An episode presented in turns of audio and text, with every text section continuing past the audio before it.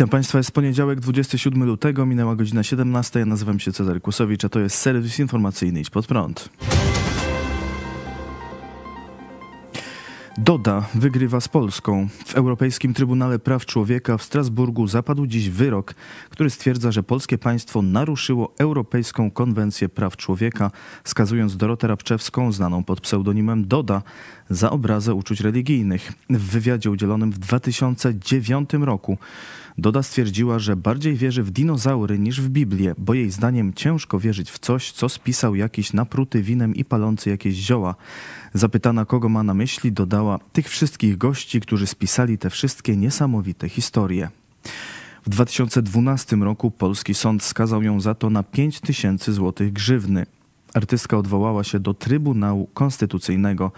Skarga nie została rozpatrzona pozytywnie. Wokalistka nie dała za wygraną i w 2017 roku zwróciła się do Europejskiego Trybunału Praw Człowieka. Ten w 2022 roku orzekł, iż Polska złamała przepis konwencji gwarantujący każdemu prawo do wolności i wyrażania opinii i ma wypłacić Dodzie zadośćuczynienie. Polska zakwestionowała wówczas to orzeczenie. Do sprawy odniósł się wtedy pastor Paweł Chojecki, który sam został nieprawomocnie skazany na 8 miesięcy ograniczenia wolności w sprawie dotyczącej wolności słowa się nie zgodził z panem mecenasem, że z punktu widzenia chrześcijaństwa Doda popełniła bluźnierstwo. Nie? Bo bluźnierstwo e, to jest, jeśli już by gdzieś je umiejscawiać, to jest jakiś atak na Boga. Nie? A przecież ona zaatak zaatakowała tylko ludzkich autorów Pisma Świętego. Nie? Ja często słyszałem nauczycieli biblijnych, czy sam niekiedy wypowiadam podobne zdania, że sporą część ksiąg biblijnych napisali prości pasterze lub rybacy, czyli pastuchy. Nie? Tak można by, jak już by ktoś chciał e, troszeczkę pociągnąć dalej moją myśl. Ale głębia mądrości tam przedstawiona jest tak wielka, że profesorowie Sorbony nie mogą tego zrozumieć. Dlatego dla nas to jest dowód nadprzyrodzonego pochodzenia Biblii, że to Bóg jest autorem Słowa Bożego. Także w pewnym sensie, jak gdyby można powiedzieć, że e, Doda niechcący wręcz doceniła boskość autorstwa biblijnego. Także absolutnie tutaj, jakbym nawet chciał szukać jakiegoś obrażenia chrześcijan, bluźnierstwa czy czegoś, to ja niczego nie znajduję, panie mecenasie.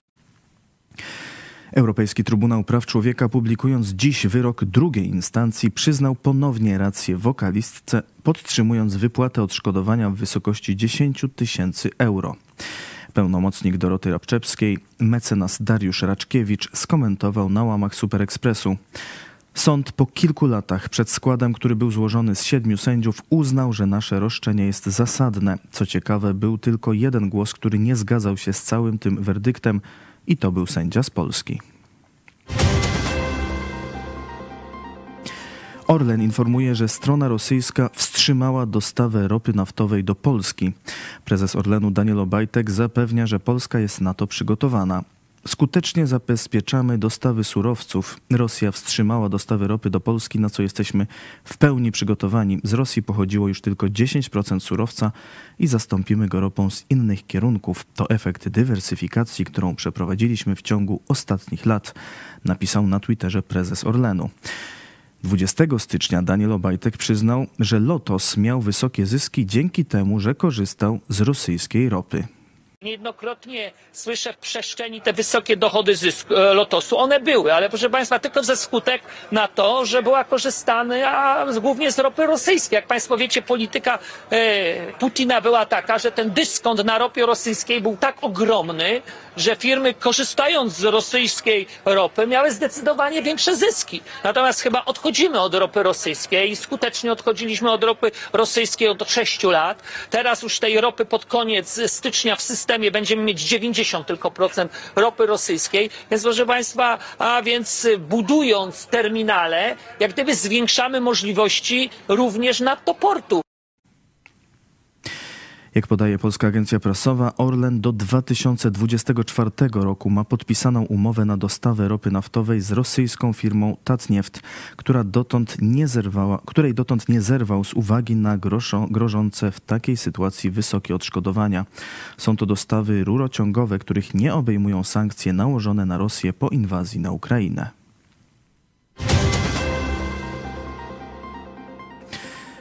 Centralne Biuro Antykorupcyjne zatrzymało byłego ministra skarbu państwa z czasów rządu PO-PSL Włodzimierza Karpińskiego. O sprawie poinformowało biuro prasowe CBA. Działając na polecenie Śląskiego Wydziału Zamiejscowego Prokuratury Krajowej, funkcjonariusze Centralnego Biura Antykorupcyjnego zatrzymali dziś byłego ministra Skarbu Państwa Włodzimierza K. Równolegle funkcjonariusze przeszukali siedem nieruchomości zlokalizowanych w trzech województwach.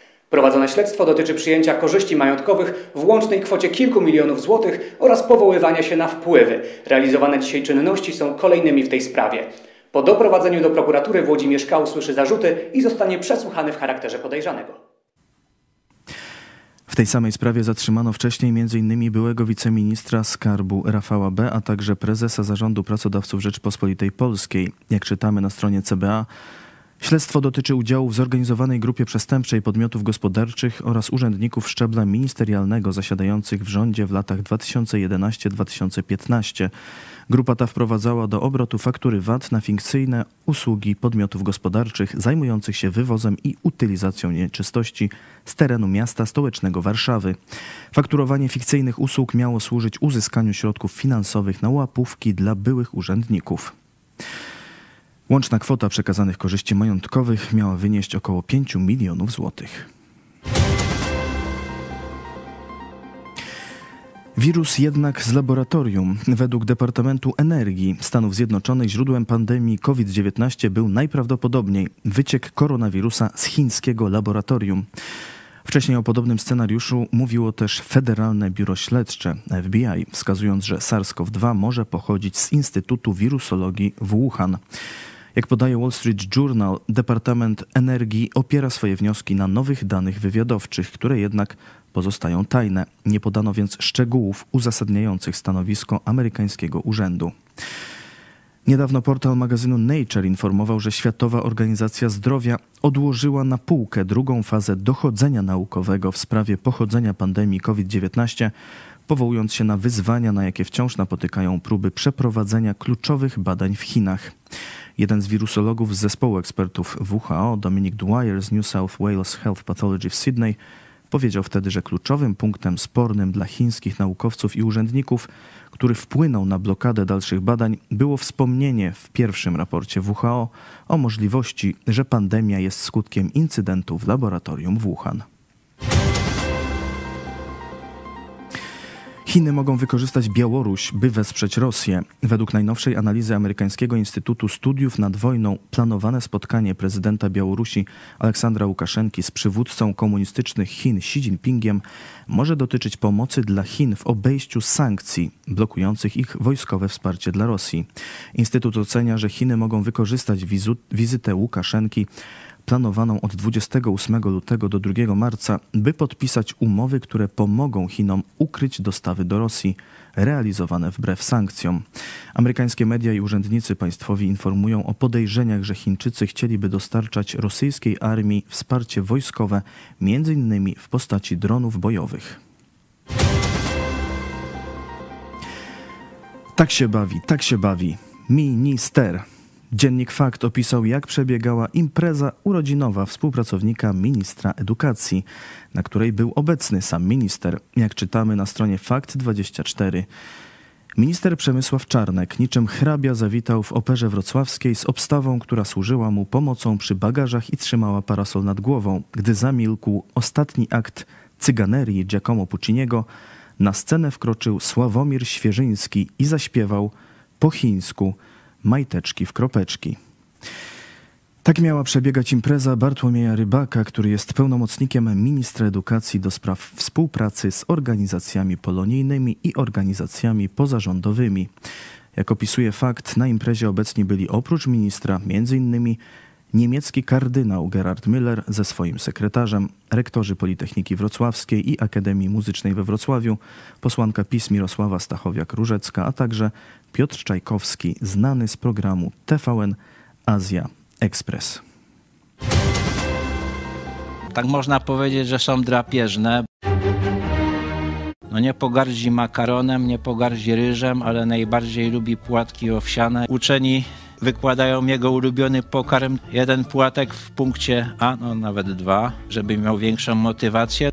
Pierwsza rzecz, którą zauważono w tych organizmach, że one podejmują decyzje. Bardzo sprawnie decyduje. Można powiedzieć, że podejmuje te decyzje niekiedy sprawniej od nas, choć, choć my mamy zmysły, układ nerwowy, a i mózgi nawet. Pojawia się pytanie, no jeżeli ewolucja jest prawdziwa, no to kiedy wyewoluowały śluzowce?